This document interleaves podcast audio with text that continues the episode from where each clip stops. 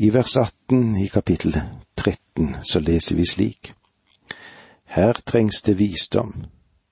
Den som har forstand, han får regne ut dyrets tall, for det er et menneskes tall, og tallet for det er 66. Vi var innom dette temaet litt i forrige program, og eh, vi må ikke stoppe for mye opp med selve tallet. Og jeg har ikke vært opptatt med å vite dyrets tall. Og så er jeg inderlig takknemlig for at jeg skal slippe å leve i den perioden. Og jeg må si at jeg er inderlig takknemlig i dag for at jeg kjenner Jesus. Det er så vidunderlig godt å vite at han er min frelser. I stedet for å bruke tiden på Antikrist, ønsker jeg heller å få lov til å lære mer Jesus å kjenne. Og jeg ønsker jeg kunne si enda sterkere med Paulus, slik han sier i Filippenserbrevet 3.10. Da kjenner jeg ham og kraften av hans oppstandelse, får del i hans lidelser og blir ham lik i det jeg dør som ham. Det eneste positive og viktige tema for oss i dag er at det første dyret er et menneske. Og det lærer meg at jeg ikke skal stole på mennesket. Så sier Herren, som det står i Jeremia 17, 5 og 8, Forbannet er den mann som setter sin lit til mennesker, som støtter seg til svake skapninger og vender seg bort fra Herren. Han er som en busk i ødemarken. Han får ikke se at lykken kommer, men holder til i det, tørre, i den, i det tørreste ørken, på saltholdig jord, der ingen bor. Velsignet er den mann som stoler på Herren og setter sin lit til ham. Han er lik et tre som er plantet ved vann og trekker røttene mot bekken. Det frykter ikke når heten kommer, men står der med løvet grønt. Det sturer ikke i tørketider og holder ikke opp med å bære frukt. Avsnitt i åpenbaringsboken interesserer meg ikke det minste hva angår dyrets tall eller hvem han er, eller noe omkring ham. Men det driver meg til å lære å kjenne Jesus bedre. For min fremtidsplan den er knyttet til Jesus. Ikke på grunn av hvem jeg er eller hva jeg har gjort, men fordi Jesus døde for meg på korset. Og ved Hans nåde skal jeg en dag få være med ham og stå for Hans åsyn. Og det er noe, det. Det var det vi hadde med oss fra kapittel 13, og nå går vi inn i kapittel 14 og dette kapitlet inneholder flere store dramatiske hendelser. Det er et mellomspill der vi ser lammet på Sion. Vi hører proklamasjonen av det evige evangelium. Vi hører forkynnelsen av dommen over Babylon, og over dem som preges med dyrets merke. Og deretter en lovprisning av dem som dør i Herren, og så er det et forvarsel om Harmageddon. Det kapitlet vi nå går inn i, utgjør et avbrekk i serien av de sju skikkelser.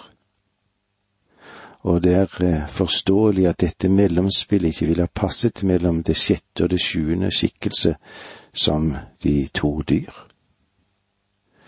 Men selvfølgelig så måtte de ses sammen. De er jo som to siamiske tvillinger, og kontinuiteten mellom dem kunne ikke bli brutt. Derfor følger dette mellomspillet etter den sjuende skikkelsen som et uttrykk for den logiske konsekvens i denne boken. Den er ikke noe tilfeldig sammensatt av visjoner, men den utvikles i en logisk, kronologisk og matematisk orden. Det er visse aktører som stilles fremfor oss i dette kapitlet. Noen i tillegg til de sju som vi allerede har møtt. For at vi skal få et fullstendig bilde av de fantastiske, dramatiske fremstillinger i de to foregående kapitler. Som jeg har nevnt, er dette den mørkeste dag og den frykteligste time i verdens historie. Dette er helvetets frihetsdag. Og enhver som tenker litt, må uvergelig stille spørsmålet. Hvordan gikk det da med Guds folk under denne perioden?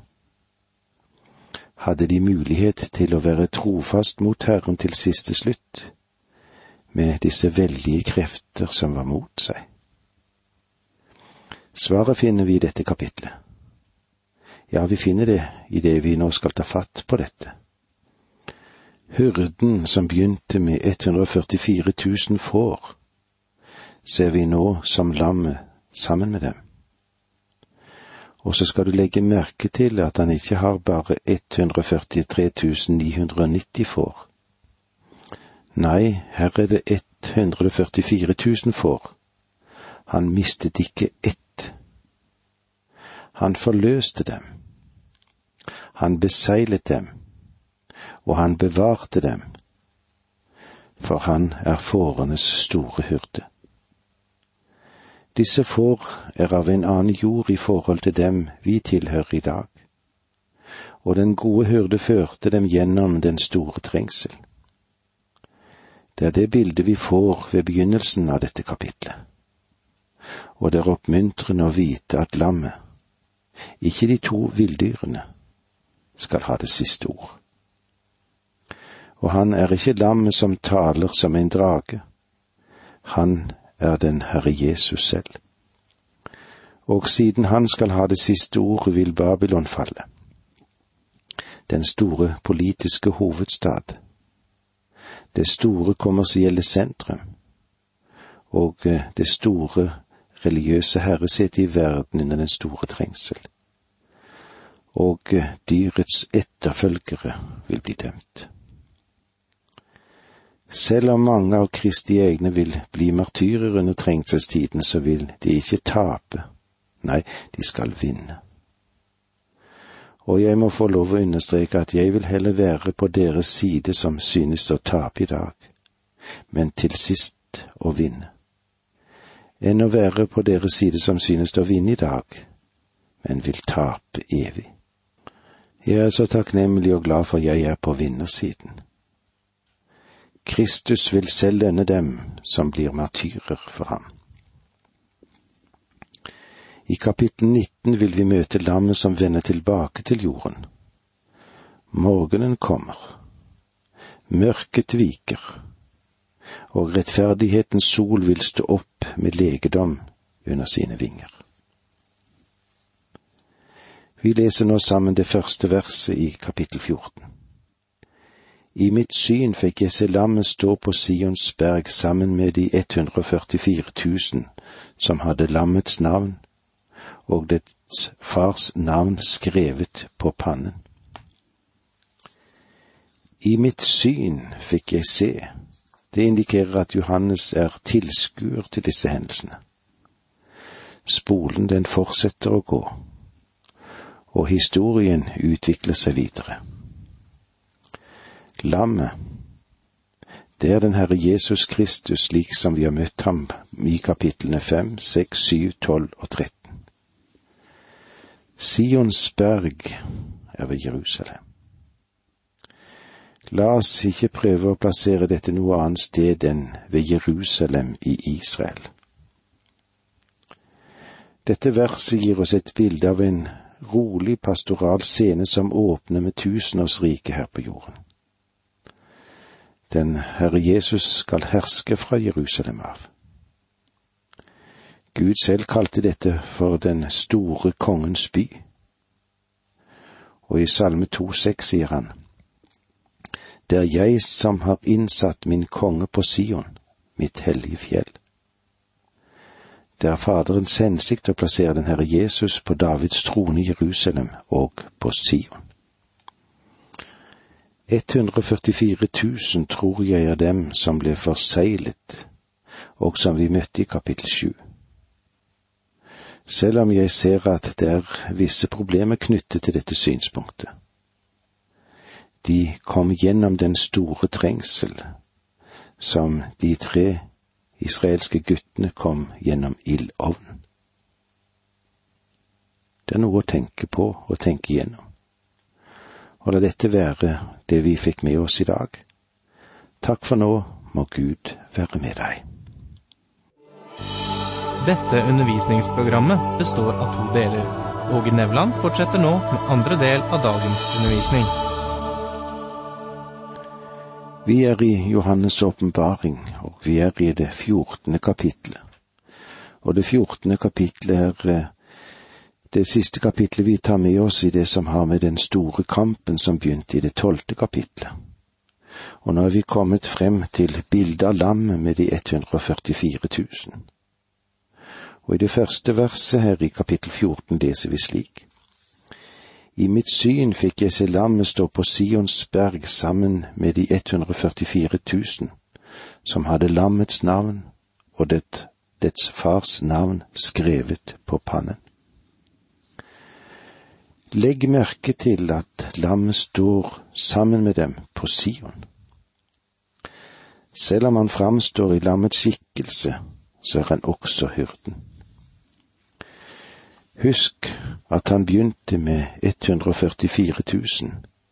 Da han kom gjennom den store trengsel, så var det 144 000. Han hadde ikke mistet noen. I vår tid, i din og min tid, når Satan presser på oss, så er den levende og seirende Kristus tilgjengelig for oss. Vi må lære ham bedre å kjenne, så han kan få større plass i våre liv dag for dag. Og jeg er overbevist om, i alle fall med min egen erfaring, at den Herre Jesus Kristus er svaret på livsgåtene. Når jeg av og til ser et motto på en T-skjorte eller et bilvindu hvor det står at Jesus er svaret, ja, så sier jeg alltid til meg selv at eh, det er jo avhengig av hva spørsmålet er. Men han er i sannhet svaret på de livsproblemer som menneskene prøver å finne løsning på gjennom sine egne fattige tanker og sin egen innsikt. Det finnes mange budbærere i vår tid som følger sine små regelverk, og eh, så påstår de at de kan løse problemene, sine egne problemer i det personlige liv. Og hvordan er det med deg, makter du å løse dine problemer? Løse de problemene som du har i ditt eget hjem? Eller hva med meg? Ditt arbeid mitt arbeid din menighet eller min menighet gjennom de metodene som finnes der. Det har vel neppe vært en tid i kirkens historie som har vært mer spekket av metodeopplegg som det er nå. Og likevel er det mindre av en seierrik livsførsel i dag. Det er iallfall den erfaringen som man kan se. Hva er det som virkelig trengs i dag? Eller hva er problemet i dag? Tror du vi trenger flere metoder?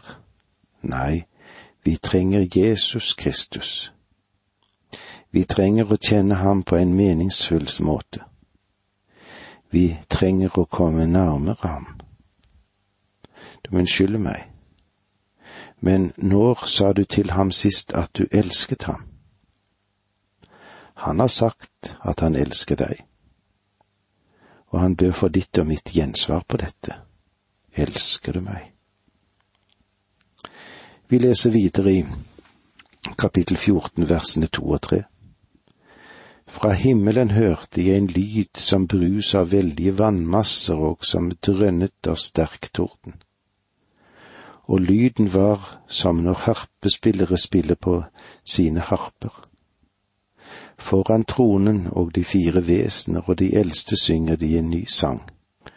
En sang som ingen kunne lære dem uten de 144 000. De som er frikjøpt fra jorden. Jeg hørte en lyd. Johannes er ikke bare tilskuer, men han er også en lytter til det som foregår.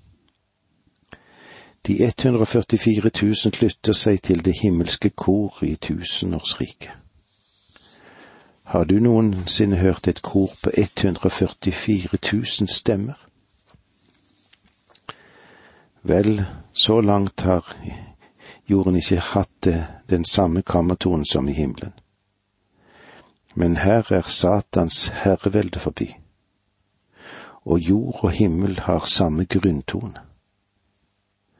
Nå er alt galt med verden, men på den tid der dette utspilles, så vil det alt være rett. De 144 000 lærer den nye sangen og slutter seg til harmonien i himmelen. Lyden var som når harpespillere spiller på sine harper. Gud har plassert sine harper i himmelen, mens de 144 000 er på jorden på Sion. Og det er et langt stykke fra instrumentene. Men det kommer til å bli en fenomenal konsert. De 144 000, de som er frikjøpt fra jorden, betyr at de er forløst for å gå inn i tusenårsriket på jorden. Det virker for meg som de ikke tar, tar oss til himmelen. Husk at dette er et bilde av tusenårsriket på jorden, og disse skal leve på jorden. De ufrelste skal ikke leve på jorden. Ingen kunne lære denne sangen uten de 144 000, de som er frikjøpt fra jorden. Ingen kan synge lovprisning til Gud uten de forløste. Jeg skulle ønske at denne sannhet ville nå mange korledere i vår tid. Jeg kan nok forstå at det er mange korledere som ønsket å høre alle i forsamlingen synge. Men når du har en blandet forsamling, av frelste og av ufrelste mennesker, så skal du ikke be de ufrelste om å synge forløsningens sang. De kan det rett og slett ikke. Vil du tvinge dem til det, så gjør du dem til løgnere. Men la de forløste få lov til å synge. Salmisten skrev det slik, Pris Herren, for Han er god hans miskunnhet varer til evig tid. Så skal de si, de som Herren forløste, de som han løste ut av døden. Dette står i Salme 107, de to første versene der. Ingen andre enn de forløste vil kunne si at Gud er god. Og det er grunnen til at vi trenger en bekreftende kristenhet i våre dager. Vi trenger å si at Gud er god. Under denne scenen i tusenårsriket er det en veldig harmoni mellom himmelen og jorden. Hvilken kontrast vi møter her til det vi gikk igjennom i det trettende kapitlet, der jorden står i opprør mot himmelen under de to dyr. Her er alt ro og harmoni under lammet. Versene fire og fem det er de som ikke har besmittet seg med kvinner, for de er som jomfruer. Det er de som følger lammet hvor det så går. Det er de blant menneskene som er frikjøpt for å være en første frukt for Gud og lam. Det ble ikke funnet løgn i deres munn. De er uten feil og lyte. Det er de som ikke har besmittet seg med kvinner, for de er som jomfruer. Hva betyr det? La meg være ærlig og si at dette har gitt meg tankebry i årevis. For dette kan både ha en bokstavelig og en åndelig mening. Og jeg tror at begge sidene klinger med her. Den store trengsel er en periode med ubeskrivelige lidelser. Disse 144 000 har vært gjennom den perioden. Disse abnorme tider kreves ekstraordinære tiltak. Det var årsaken til at de var ugift. Under krigen var det mange sjømannshustruer til de som da seilte som ønsket at de ikke hadde giftet seg. De ante eller visste ikke at de relativt raskt kunne bli sittende igjen som enker og med farløse barn. Vel, under den store trengselstiden så vil det være vanskelig at det vil være klokt å ikke gifte seg. Du husker kanskje at også profeten Jeremia levde i en kritisk periode under, de under det babylonske fangenskapet. På grunn av den dystre situasjonen forbød Gud ham å gifte seg. Herrens ord kom til meg, og det lød så. Du skal ikke ta deg noen kone, ikke få sønner og døtre på dette sted. For så sier Herren om de sønner og døtre som blir født her, om mødrene som føder dem, og om fedrene som fostrer dem her i landet. De skal dø en smertefull død, og det blir ingen sørgehøytid eller gravferd for dem. De skal bli til gjødsel på marken. Ved sverd og hunger skal de omkomme, og liken av dem skal bli til føde for fuglene under himmelen og dyrene på marken. Ja, slik står det i Jeremia 16, de første fire versene der. Det var det vi ble vitne til i Det gamle testamentet, og nå er vi altså i åpenbaringsboken. Det er de som ikke har besmittet seg med kvinner, for de er som jomfruer, sto det i vers fire. Og med disse ordene sier vi takk for nå, må Gud være med deg.